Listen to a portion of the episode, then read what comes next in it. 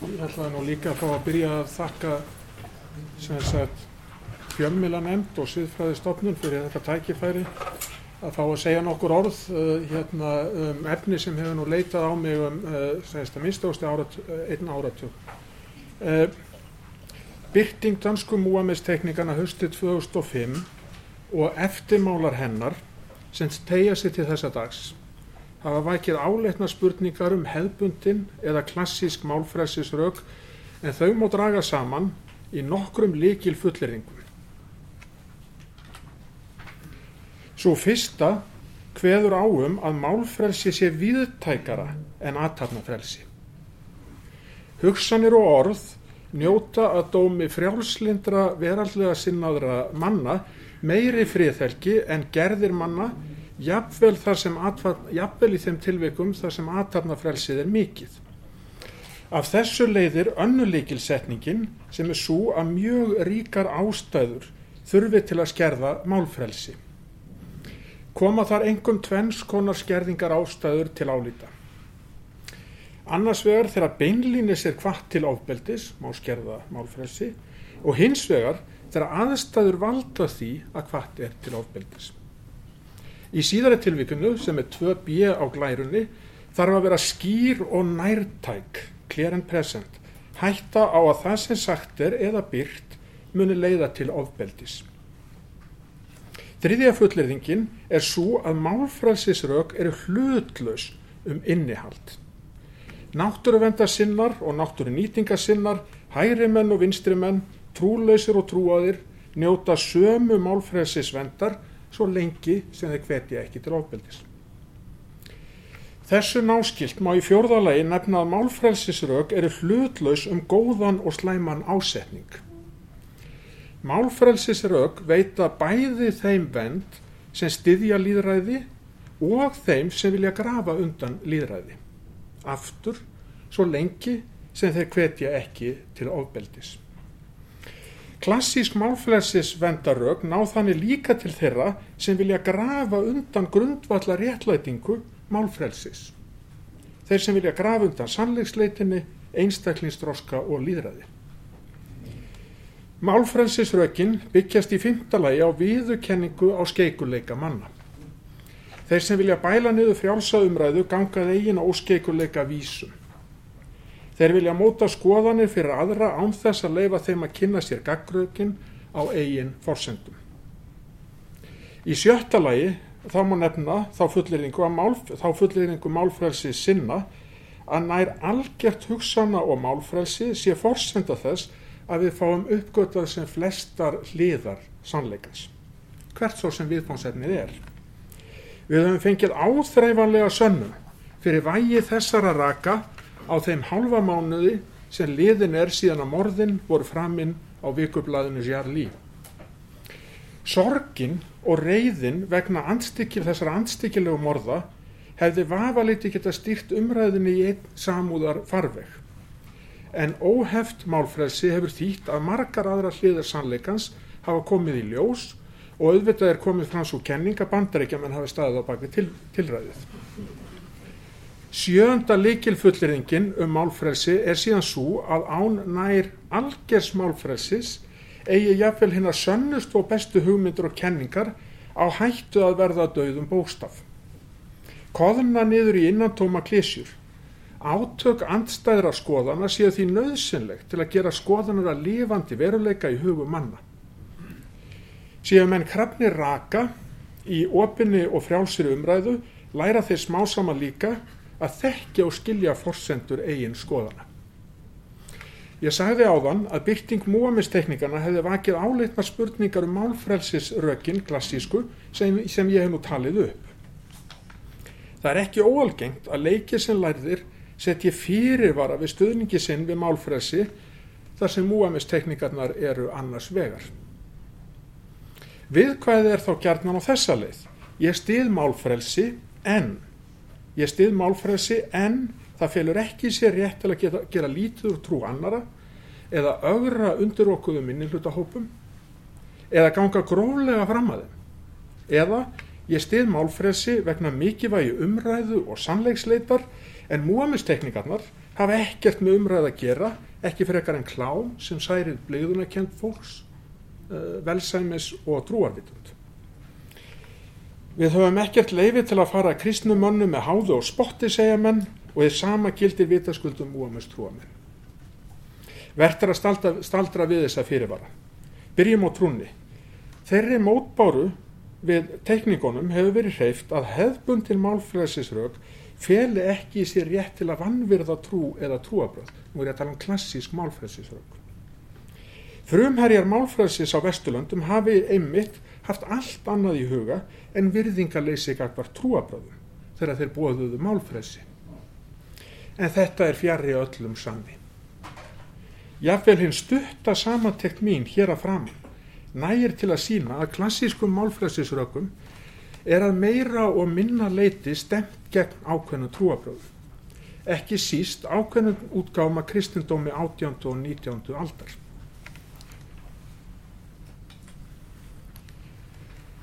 Þótt ég geti ekki raukstuð það til hlítar hér. Langa með að benda á eða við neytum kennisetningunum sjö hér að framann fáum við ymmit fram vel þekta trúarlega eða dogmatíska afstöðu. Hún fælst meðal annars í því að neyta hinn um algjörða greinamun sem frjáslindir veraldlega sinnaði menn gera á hugsunum annars vegar og aðdöfnum hins vegar. Samaber, sá yðar sem syndgað hefur í hugunum hefur þegar dríkt hór. Sangan þessari afstöðu fá kennimenn kirkjunar vald yfir hugastarfi okkar. Við þekkjum vitaskuld einnig að kristnir pávar hafa gert kröfu um óskeikuleika sér til handar og ímissir kristni menn telja sig að handla sannleikan sem slíkan, ekki síst fyrir tilstilli guðulegar ofinverðunar. Kenningar krist hafa orðað kreddum, trúaritt kristinamanna eru döður bóstafur oft. Ímissir ákafir trúmenn og röðum kristinamanna myndu aldrei samþykja hlutleysi gagvart innihaldi skoðana eða tekninga. Spyrja má hvar við værum stöld nú um stundir ef forfeður okkar og formæður, til dæmis á 19. öld, hefðu æfinlega sínt trúuðum og siðvöndum mönnum þá virðingu að raska ekki róð þeirra. Hver væri þá staða kvenna og samkynneða? Hefði brúðu heimili Ípsens þá verið bannað? Hefði impressionismi í málarlist verið bannaður? Mættu við dansa eða hlusta á punk og þungarokk? væri blústónlist bannuð í bandaríkjum. Sennilega er það þó ekki þetta sem áttur við þegar settir eru fyrirvarar uh, við málfrelsi í nafni trúabræða. Þá hafa menn frekar í huga reyna og einlega trú og sjálfsmynd hins trúaða. Sagt er að trú sérkvæðs manns sé svo nátengt sjálfsmynd hans að ekki sé hægt að vega henni án þess að vega dýfstu rótum sjálfsmyndarinnar. Richard Rorty hefur einmitt haldið því fram að árás og sjálfsmyndina sé einhver verstategund af grimd sem þekkist. En þessi sjálfsmyndarög eru afar vand með farin. Frá sjónari hóli hins trúlausa eru þau öldungis fráleit. Hinn trúleysi spyr hvers vegna hér sama ætti þá ekki að gilda um ákveðna ákafa þjóðurni sinna eða þá sem hafa bitið í sig krettur gerfivísinda. Og í því samhengi má líka spyrja hvort við höfum ekki gott að því að láta reyna á sjálfsmyndina svo hann öðlist sveianleika og fjæðurmagn resiliens í lífsins ólgusjó. Náttúruvenda sinna, þetta þekk ég, fá til dæmis íðurlega að kenna ítlilega á spögi samborgarana, þetta þekk ég þórun líka, að, að þeir séu romantíkerar og svo framvegis og svo framvegis, þó að náttúruvend tengist mjög sjálfsmynd þeirra en sjálfsmyndarökin næja þó eftir vil til að sína að fólk eigi að fara, fá frið til að yfka trú sína á ákveðnum stöðum. Í heimildamindum Pussy Riot mátti til dæmi sjá grátklökkar gamlar konur og grátklökkar gamla kallmenn sem ekki gáttu skilið hvers vegna hljómsveitamæliðminnir hefðu vanhelgað kirkju þeirra ymmit þegar þau voru að tilbyðja. Þótt efast megin réttmæti þess að takmarka málfrelsi almennt eh, af virðingu fyrir trú stendur þó eitt atrið út af hérna. Það atriðum á kenna við viðbjóð, grófa móðgun eða það að ganga gerstsamlega fram af samborgurum sínum. Enska orðið hér er orðið offense og ennskumælandi menn tala um offense principle í þessu samhengi. Og mun ég þýða það sem mjög slæm þýðing bara svo besta sem ég finn móðgunna regla eins og við sáum leggja klassísk málfrelsirök beinan og augljósan skada til grundvallar frelsiskerðingu en ljóst er að frelsimanna er íðurlega skert þegar þeir, þegar þeir fyrirgefiði misbjóða öðrum gróðulega einstótt þegar vekki valdið þeim beinum skada eða fjárhagslegu tjóni. Til skamstíma gáttu menn átt vona á harðari refsingu í mörgum fylgjum bandaríkjana fyrir að misbjóða samborgunum sínum, til dæmis með nekt eða ósæmilegu aðtæfi, heldur en fyrir mordtilrunir. Þeir sem vilja amast við dansku múamistekningunum á þeim grundvelli að þeir misbjóði stórum hópi fólks skróflega eru því alls ekki að fara ótröðnar slóðir í vestrætni umræðuferð eða tegja sig eftir langsóttum rökum. En þetta eru líka afar vand með farin rök. Hvenar misbjóðu við samborgurum okkar svo gróflega að það nægi til frelsiskerðingar? Ef við eigum ekki til almennt rökstuð svar við þessari spurningu en viljum takmarka málfrelsi er úti um málfrelsið. Það sem gengur fram af einum er sásökalöst í augum annars. Ég leifi mér í því samhengi að sína þetta erotíska málverk eftir Manei sem allir miklum deilum á prúsneska þinginu þrjum að keift fyrir ríkisfið frá Fraklandi árið 1904. Enda þótti hún mjög siðlöst unsittli er orðið sem er notað í deilinu og hún er í National Gallery í Berlin ég tók nú smá tíma að fatta klámið. En það er augljóst að vísu. He, heimsbyggingar hafa glimt við þetta vandamál í áratögi þeir hafa reynt að smíða móðgunarreglu til að skera órum hvena megi skerða málfrelsi manna. Fremstur þar í flokki er Jóður Feinberg. Til að gera mjög langa sögustuttam að lýsa slíkum mælikvarðum út frá vogar skálum á þessari mynd. Þegar við spyrjum hvort skerða megi frelsi manna vegna þess að, að, móðga, að þeir séu móðgarar, þurfum við að skoða í fyrsta lagi hversu gróflega mönnum er misbóðið, hversu almenn móðgunin er og varanleg, hvort einingi séum að ræða persónlega móðgun eða atriði sem hafa almennt gildi og snerta þá stóran hóp manna.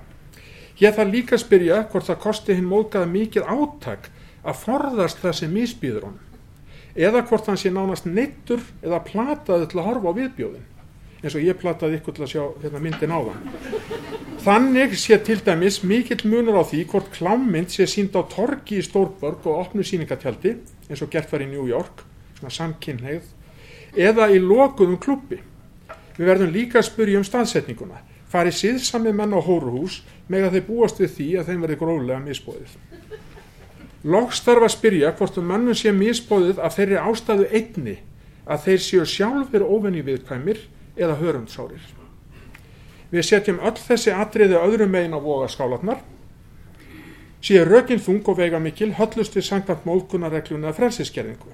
Á hinar vogaskálatnar þarf síðan að setja öll skinsamlega rök sem mælt geta með hinnum, hinnum viðbjóðsvekjandi aðtæfi eða byrtingu og veitt því almennt gildi.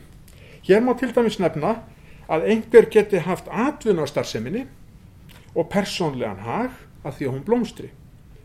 Mikilvægt er þó, mikilvægur er þó að aðtæfið kann að hafa samfélagslegt, pólitíst og listrænt gildi. Það semst getur verið munur á því að striplast bara niður lauga veginn persónlega eða gera það sem hluta af listaverki. Málverk manni allu viðbjóði á 19. öld og þurfti laurugluvend til að áhörundu skemmti ekki verk eins og ólimpíu. Það voru alltaf höfðu laurugluvend. Uh, eh, mótmæli Pussy Riot hafa virðingavert politist gildi að mínu dómi þótt þau veki viðbjóð rúsa að minnstuðusti margra trúaður. En hvað segir þessi móðgunarregla okkar þá um byrtingu múamist tekníkana? Terry Price hefur fært ítalið rauk fyrir því að, að móðgunarreglan myndi réttlæta málfrælsiskerðingu í tilviki múamistekninga. Myndirna misbjóða nefnilega stórum hópi fólks gróflega, viðbjóðurinn er varanlegur og hefur ekkert með ofurviðkvæmni einstaklinga að gera og byrtingin þjónar engum hálitu markmiðum. Það sé heldur ekki ljóst að þeir einstaklingar sem fyltust viðbjóð, viðbjóði geti litið undan að minnst ekki þegar tekníkarnir byrtast í víðlesnasta dagblæði landsins líkt og átti sérstað með Jótlandspóstun.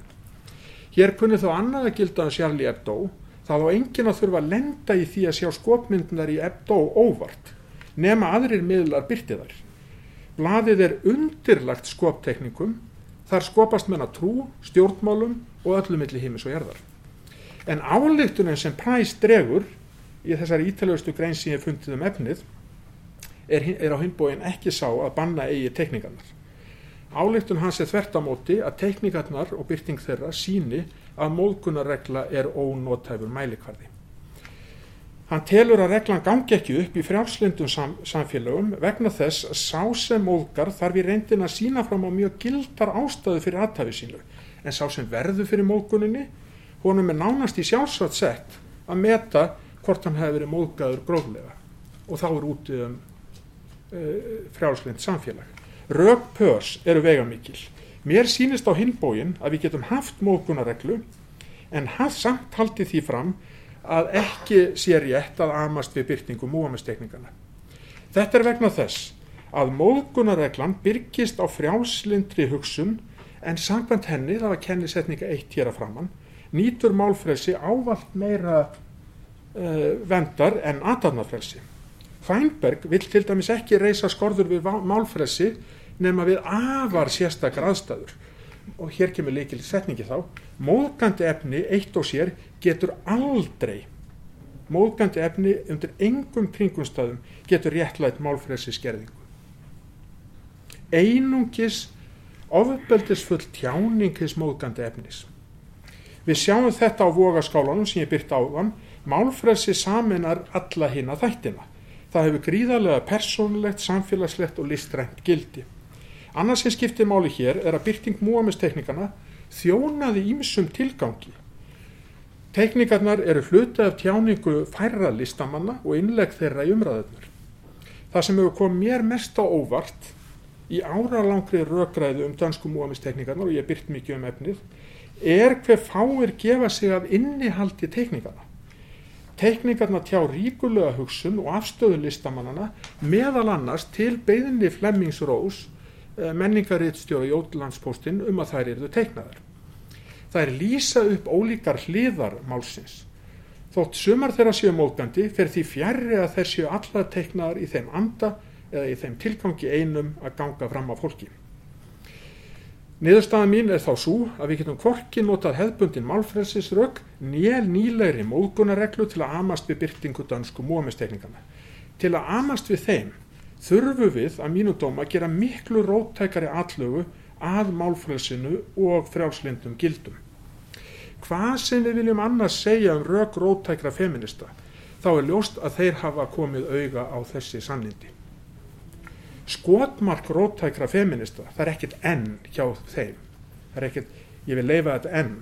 Skotmark róttækra feminista er að vísu oftast klám, en ekki skotmyndir, en í baratusinu gegn klámi hafa þeir skipulega hafnað sumum af þeim líki, bara farið gegna þær og hafnað skipulega sumum af þeim líki fullirðingum sem mynda hefðbundin málfrælsisrög og ég greindi frá hér í upphafi. Þeir hafa hafnað afgerandi greinamun á hugsum og orðum. Eh, aðalslagorðið er orð eru aðtapnir. Áherslu á málfrælsi hefur að dómi rótækra feminista alið á ójöfnuði, rasisma og hatursumræðu. Ég efast á humbóinum að þetta sé heillavanlega leið en það er efni annan fyrirlestur. Takk.